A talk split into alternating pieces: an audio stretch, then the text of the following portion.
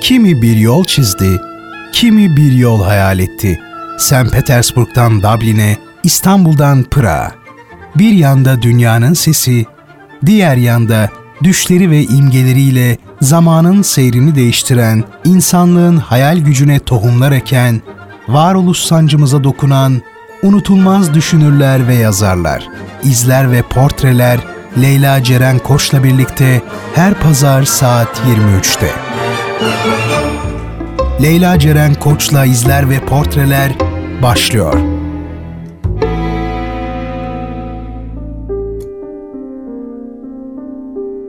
Şehrin tek gerçek edebiyat sever adresi 93.5 Radyo Gerçek frekansından ve izler ve portreler programından herkese merhaba sevgili dinleyenler. Yine çok güzel bir pazar gecesinde radyonuzun diğer ucunda ben Leyla Ceren Koç'la birliktesiniz. Bu haftada yine size önemli Rus yazarlarından bir diğerini e, tanıtmaya karar verdim. Ruslardan devam ediyoruz programın başladığı günden beri. E, haftaya zannediyorum farklı e, ülkelere, farklı efsane isimlere devam edeceğim. Biraz Rusya'dan uzaklaşacağız ama Rusya'dan uzaklaşmadan önce tabii ki Rusya'nın en büyük şairi, dramaturgu, roman e, yazarı ve tarih yazımına bilimsel yöntemiyle değil ama üslubuyla yön veren diyebileceğimiz bir isimden bahsedeceğiz. Alexander Sergeyevich Pushkin tabii ki. Bu gece onun hayatını, eserlerini, yaşamını sizlerle ufak ufak paylaşmaya çalışacağım. Diğer yandan da tabii ki çok güzel müziklerle pazar gecenize güzel bir renk katmaya gayret edeceğim. Onun için vakit kaybetmeden başlıyoruz. İzler ve portreler başlıyor sevgili dinleyenler. Hoş geldiniz.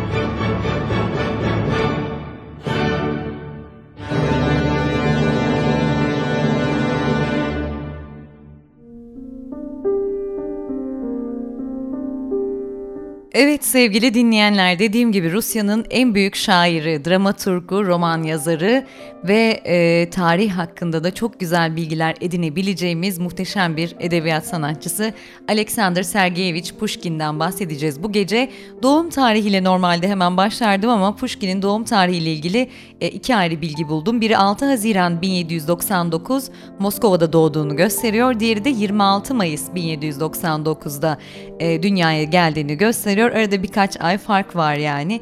Onun çok önemli olduğunu sanmıyorum. Ama e, şunu söyleyelim. Pushkin soylu bir aileden geliyor. Dedesi Rus Büyükelçisi tarafından Çar Büyük Petro'nun sarayına getirilen Büyük Petro'nun Hannibal adını verdiği bir Etiyopyalı. E, döneminin tanınmış şair ve yazarları ise Pushkin'in evine gidip gelenler arasında yani oldukça e, hem entelektüel anlamda hem de zaten soylu bir aileden gelme anlamında Pushkin e, farklı bir ortamda büyümüş diyebiliriz. E, 1799 senesinde dediğim gibi Sergey e, Livovich ile Nadeya Osipovna Hannibal'ın çocuğu olarak Moskova'da dünyaya geliyor kendisi. Hem annesi hem de babası soylu insanlar dediğim gibi ilk eğitimini ise evinde almış. Hem ebeveynleri hem de yabancı eğitmenler tarafından eğitilen Pushkin'in çocukluğundaki en önemli kişi ise yaşlı dadısı olmuş e, bütün birçok kaynağa göre.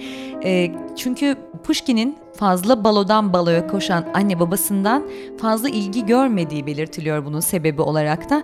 Ancak ebeveynlerinin çocuklarının eğitimini fazlasıyla önemsedikleri de e, şüphe götürmez bir gerçek. Çünkü henüz 8 yaşındayken Pushkin çok iyi derecede Fransızca ve Rusça e, öğrenmiş ve soylu ailesi sayesinde çocukluğunda pek çok şair ve yazarla tanışmış dediğim gibi. Ama e, yine tekrarlıyorum yaşlı dadısı e, Ariana'nın e, yeri bambaşka. Kimse onu Ariana kadar etkileyemiyor. E, Pushkin dadısının ağzından Rus masallarını, Rus türkülerini dinlermiş ve 12 yaşına gelene kadar evinde anne babası ve dadısıyla büyüyen şair e, daha sonra Rus çarı 1. Alexander tarafından açtırılan okula gidiyor ve buradaki okuldaki e, diğer öğrenciler gibi dış dünyadan kopuk bir şekilde hayatını sürdürüyor. Zaten edebiyata ilgisi olan çocuk e, okul döneminde şiire iyice yoğunlaşıyor bu döneminde bu sayede diyebiliriz. Ayrıca e, Pushkin 11 yaşına geldiğinde özgürlükçü ve alaycı e, yazarlara hayran olduğu, daha doğrusu yazarlarına hayran olduğu diyelim. Fransız edebiyatını neredeyse ezberlemiş, Fransızca şiirler ve komediler bile yazmaya başlamış ve 1811'de Petersburg'da aristokrat ailelerin çocuklarının eğitim gördüğü az önce söylediğim gibi Çark Köyü Lisesi'ne işte kaydolmuş. Şair olduğunun farkına varışı tam olarak bu döneme denk geliyor. İlk şiirleri 1814 yılında Westnik e, Evropi dergisinde yani Avrupa Habercisi'nde yayımlanmış ve 1817'de de liseyi bitirdikten sonra Dışişleri Bakanlığı'nda bir göreve atanıyor. Bu yıllarda kaleme aldığı toplumsal duyarlılıklara yönelen ilk şiirleri basılıp yayımlanmadığı halde kopyaları da elden ele dolaşmaya başlamış. Hatta bunlardan bir tanesini şöyle e, sizlerle paylaşayım dizelerini. Özgürlük adı ve çevirisi de Haluk Madencioğlu'na ait. Şöyle diyor, ve acı, nesillere acı verir. İşte o uyuklarsa aymazlıkla, ister halkı ister çarları yöneten kanun zoruysa, seni yanıklığa çağırıyorum. Fırtınanın gürültüsünde yakın geçmişte, ataları için başını veren ünlü yanlışların çilekeşi. 1820 yılının Temmuz ayında İmparator 1. Alexander'ın emriyle halkı ayaklandırmaya çalışan tavırları nedeniyle ise tutuklanıyor. Aynı yıl Pushkin'in romantik dönemindeki en büyük yapıtı Ruslan ve Ludmila yayımlanmış. Rus edebiyatında bir benzeri görülmemiş mizahın, kahramanlığın, ironinin, hüznün ve dönemin tutucu çevrelerince fazlaca cesur bulunarak büyük tepkilere yol açan biçimde cinselliğin bir arada kullanıldığı olağanüstü bir yapıt. Pushkin 6 şarkı ve epilogdan yani son sözden oluşan bu masal şiirde Rus tarihinden eski Rus masallarından geniş biçimde yararlanmış, yer yer kaba halk diliyle yalın ve süslemesiz bir dil kullanmış. Şimdi oradan küçük bir bölüm sizle paylaşacağım çünkü çok güzel e, bulduğum kaynaktan da çok güzel aktarılmış. Ona doğru yürüdüm ve uğursuz bir yalım, bir ödülü oldu küstah bakışlarımın ve tanıdım aşkı tüm benliğimle, göksel sevinciyle ve acı veren kederiyle. Yılın yarısı rüzgar gibi geçti. Heyecandan titreyerek açtım gönlümü dedim ki, Nayna, seviyorum seni. Ama ürkek hüznümü kibirle dinliyordu Nayna. Yalnızca kendi güzelliğine hayran, şöyle yanıt verdi kayıtsızca. Seni sevmiyorum çoban. Bu bölümün çevirisi de e, Kayhan Yükseler'e aitmiş. Ve dediğim gibi 1820'de özgürlükçü şiirleri yönetim karşıtlığı nedeniyle Rusya'nın güneyinde Kişinev ve e, Odessa'ya sürgün ediliyor. Döndükten sonra Çingeneler şiirini yazmış. 1824 yılında devlet görevine de son veriliyor ve ailesinin e, Mikhailovskoye'deki toprağına 2 yıl sürgüne gönderilmiş. Pushkin'in başyapıtlarından biri olan Çingeneler, çağına yabancılaşmış insanı anlatıyor diyebiliriz. Şiirin bütününde otobiyografik etkiler e, var. Zira sürgünlük döneminde bir süre Çingenelerle yaşamış. Çingeneler şiiri Pushkin'in romantizmi bırakıp gerçekliği benimsemeye başladığı veya her ikisinin iç içe geçtiği şiir olarak da kabul görüyor, onu da belirtelim. Şimdi bu kısa bilgilerden sonra güzel bir müzikle kısa bir ara vereceğiz. Sonra Pushkin'in yaşamına devam edeceğiz sevgili dinleyenler.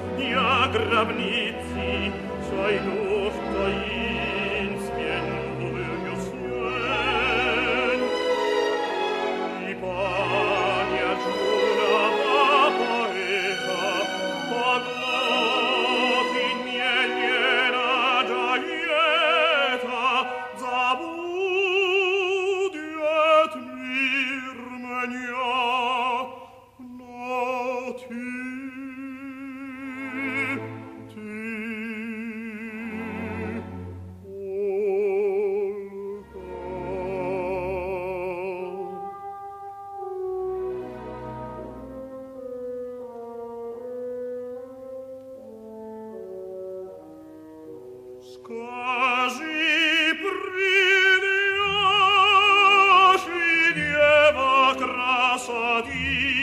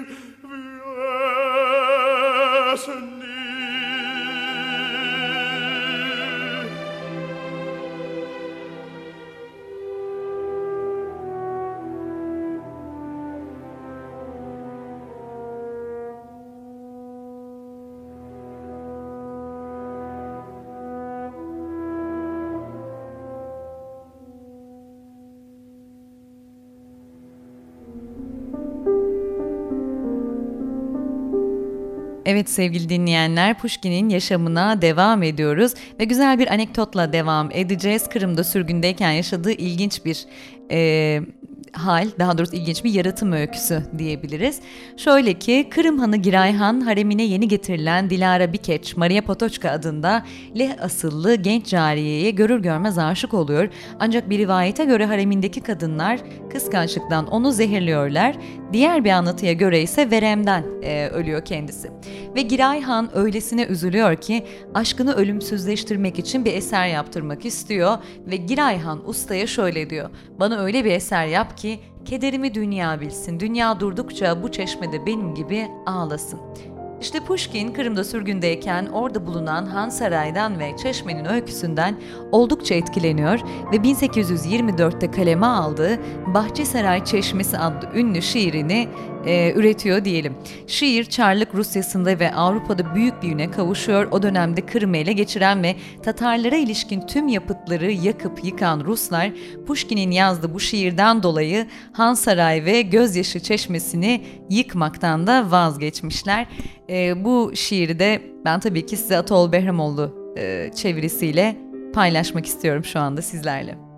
Aşk fıskiyesi, ölümsüz çeşme, sana armağan olarak iki gül getirdim. Seviyorum bitimsiz konuşmanı ve şiirsel gözyaşlarını senin. Çiseyen gümüşsü tozların, serin çiğlerle kaplıyor beni.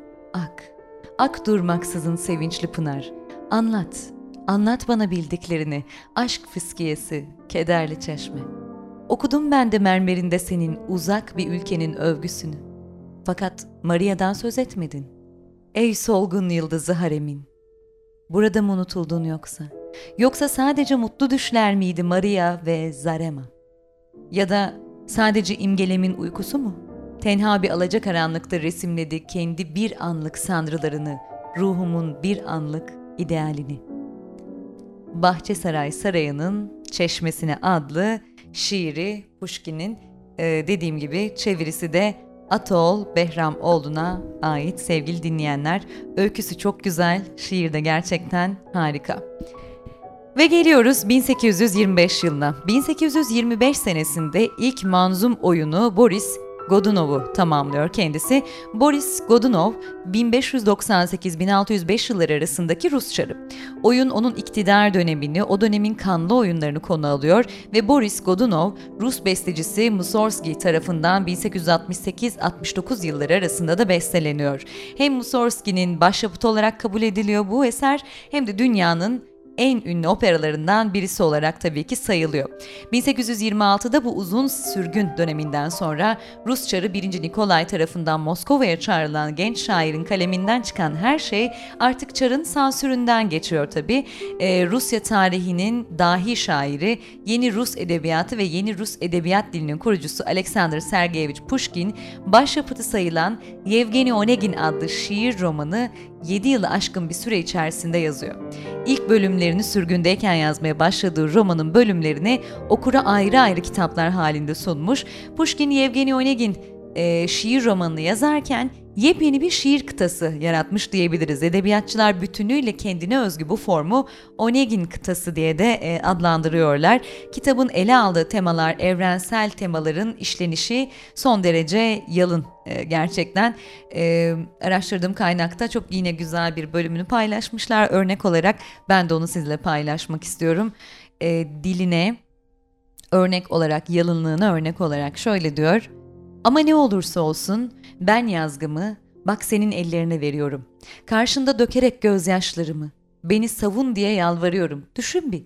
Ben burada ne çok yalnızım. Kimse beni anlamak istemiyor. Aklını gücünü yetirmiş demiyor. Ve benim sessizce can vermem lazım. Seni bekliyorum.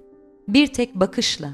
Şu kalbin ümidine canlılık ver veya bu ağır rüyayı kesiver. Heyhat, o hak ettiğim sızlanışla demiş. Gerçekten çok anlaşılır ve tertemiz bir dil. Ve 1828 senesine geliyoruz. Sürgündeki asker arkadaşlarını görmek üzere Kafkasya'ya giden Pushkin hepsinin Osmanlılar üzerine düzenlenen sefere katıldığını öğreniyor. Az bilinen diyarları görmek ve bir savaşa tanık olmak için sivil olarak orduya katılıyor.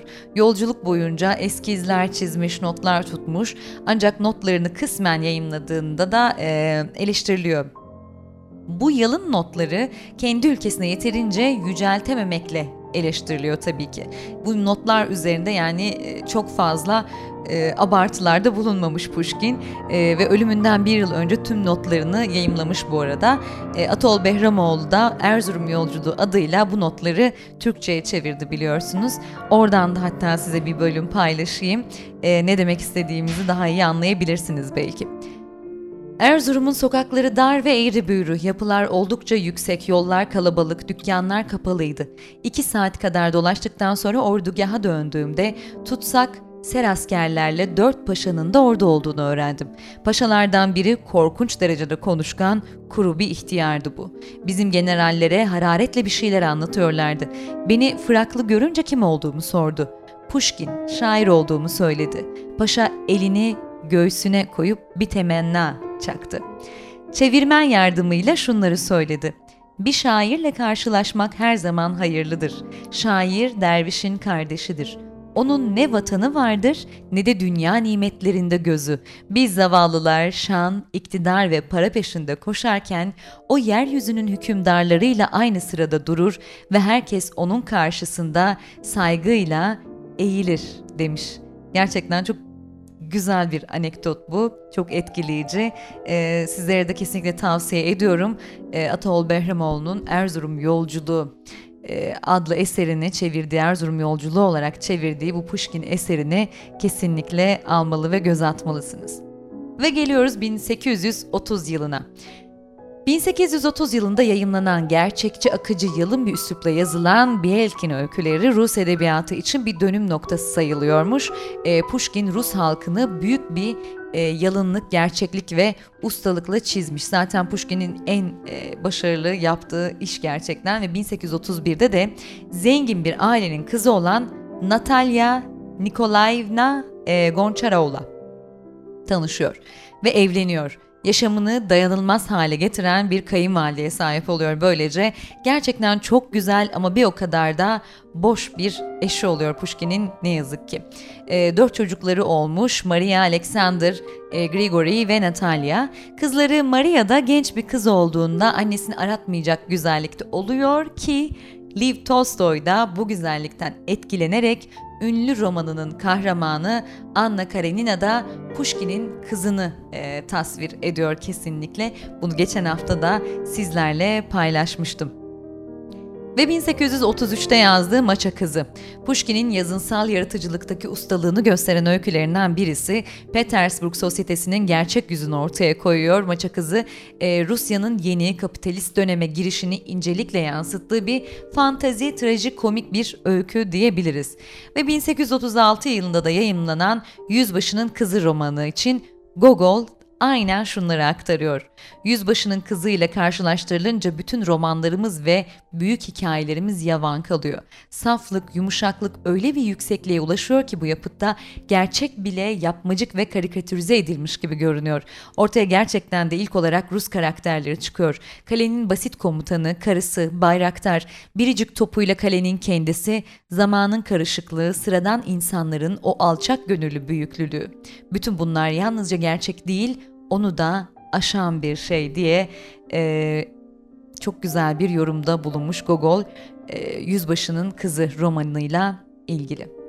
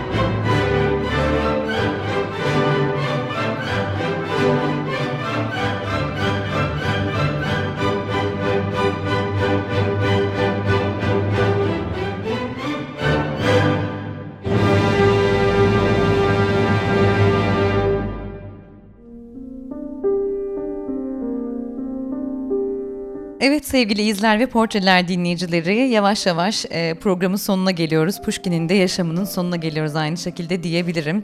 E, Pushkin'in yaşamı çok e, üzücü bir şekilde sona eriyor. E, Petersburg Sosyetesi'ne dağıtılan birkaç imzasız mektup aracılığıyla e, George Dantes adındaki Çarlık ordusunda görevli Fransız soylusunun e, Natalya Pushkin'e kur yaptığını, karısının da Dantes'e karşı kayıtsız kalmadığını öğreniyor. Ki mektupta Pushkin e, bu durumda aldatılmış Kocalar Kulübü'nün üyeliğine kabul ediliyor diyebiliriz. Bu üyeliği alaylı bir dille tüm dünyaya da ilan edilmiş. Tabii Pushkin çok üzülüyor. E, 1837'de Dantes'i düelloya çağırıyor. Bunun üzerine bu bir anlamda Pushkin'in ölüme meydan okuyuşu. Çünkü Dantes ordunun en iyi nişancılarından bir tanesi. Ve 27 Ocak 1837'de St. Petersburg yakınında Karadere'nin bir köşesinde duellonun yapılmasına karar veriliyor. Ve Pushkin'in şahidi arkadaşı e, Dansas oluyor bu sırada. Duelloda kullanacağı silah almak için gümüşlerini sattığı bile iddia ediliyor. Ve duelloda Pushkin tarafından omzundan yaralanan Dantes, Pushkin'i karnından yaralamayı başarıyor. Ne yazık ki iki gün boyunca can çekişen e, ünlü yazar 1837 yılının Şubat ayında 38 yaşında yani çok genç hayata gözlerini yumuyor bu talihsiz olayla. Ee, ancak yıllardır aslında bu olayın bir komplo, dolaylı bir cin, e, cinayet olduğu da kesinlikle konuşulanlar arasında, e, tarihçiler arasında. Tabii ünlü ismin vefat ettiğini öğrenen halk e, hem Pushkin'in evinin hem de taburunun bulunduğu kilisenin önünde toplanıyor ve neredeyse hükümete karşı ayaklanma çıkarma noktasına gelmişler. Olay çıkmasından endişelenen Rus çarının emriyle de Pushkin'in naaşı gece yarısı kiliseden alınarak ünlü kişiliğin ailesine ait olan Mihailovskoye'deki e, Sivatogorski manastırına gönderilmiş ve burada annesinin yanına gömülmüş. Rakibi olan Fransız baron George e, Dantes ise bu olaydan sonra hapishaneye kapatılıyor tabii ki. Daha sonra affediliyor ama sınır dışı edilmiş. E, ve ilerleyen dönemlerde de Pushkin'in eserlerinin Fransızca'ya çevrilmesinden sonra onu okuyan Fransız adamın kızıysa söylenen o ki babasını Pushkin'in öldürdüğünü öğrenince hiçbir zaman e, kendisini, babasını affetmemiş bildiğimiz üzere. Evet sevgili izler ve portreler dinleyicileri böylelikle e, Pushkin programımızın sonuna geldik. Biraz kısa bir program oldu diğerlerine göre. E, çünkü Pushkin'le ilgili ya çok fazla uzun bilgiler var. E, onları da birbirinden kopuk bir şekilde size aktaramıyorum. Ama özellikle şunu e, tavsiye ediyorum bu programdan sonra da size Pushkin'in hayatı ile ilgili internet üzerinden PDF e, formatında birçok araştırma bulabilirsiniz. Araştırmanın dışında eserler var, onunla ilgili yazılmış tezler var. Bunlara bence mutlaka göz atın ama özellikle ve özellikle e, Atol Behramoğlu'nun da çevirdiği Erzurum yolculuğuna e, kesinlikle göz atın, kesinlikle okuyun. E, zaten çok uzun bir eser de değil ama hakikaten bizim topraklarımızı, bizim insanımızı e, bizden daha iyi anlatmış ve dönemin yaşanan acılarına o kadar gerçekçi bir şekilde göz atmış ki insan okurken e, gerçekten oradaymış gibi hissediyor. Bir yandan çok üzülüyorsunuz çünkü bahsedilen topraklar e, Erzurum, Kars bu bölgeler e, Anadolu'nun toprakları o dönemde o topraklarda yaşayan halkımızın da e, ne derece acı çektiğini, ne kadar büyük e, zulümlerle aslında karşılaştıklarını da belki görebilirsiniz diye düşünüyorum. E, ilgi alanında olanlar tabii özellikle tarih ilgi duyanlar da Pushkin'in bu eserini kesinlikle edinip okumalı sevgili dinleyenler. Ve haftaya bambaşka bir efsanevi edebiyatçıyla veya düşünürle buluşmak üzere haftaya e, artık Rus dünyasından, Rus edebiyatından çıkış yapacağız ama bakalım kimlerle buluşacağız? Belki Fransızlarla, belki İngiliz, belki Amerikalılarla. Ben de şu anda kestiremiyorum. Ee, belki belki e, bir düşünürü sizle paylaşabilirim. Ee, bu hafta içinde yapacağım araştırmalara bağlı. Her hafta sürpriz bir şekilde karşınıza çıkıyorum. Ee, bu sürprizimi de haftaya öğrenebileceğiz. Ne yazık ki bu sebeple önümüzdeki hafta boyunca sizlere çok güzel e, enerji dolu ve mutlu okumalarla geçen güzel bir hafta diliyorum. İyi geceler diliyorum. İzler ve portrelerde yepyeni isimlerle ve bilgilerle buluşmak dileğiyle haftaya. Görüşmek dileğiyle. Hoşçakalın.